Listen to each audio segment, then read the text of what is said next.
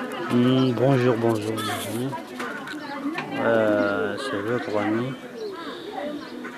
animateur de la radio d'Andé, animateur sportif. Euh, on vous souhaite bonne journée. Et demain, nous serons à l'antenne pour vous donner des informations concernant le sport en général, surtout exclusivement sur notre sport.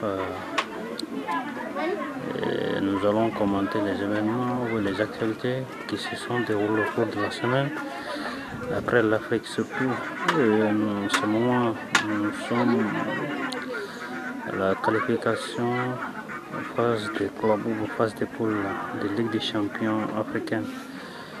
Et notre l'unique représentant du le stade Mali, qui va défier Vida de Casablanca au Maroc.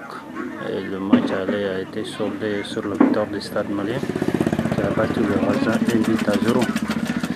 Et nous souhaitons que le stade euh, puisse avoir la chance là-bas de garder minimum son léger avantage devant le de Casablanca et que le stade soit le premier équipe ou le premier club à, et avoir accédé aux phases de la Ligue des champions africaine.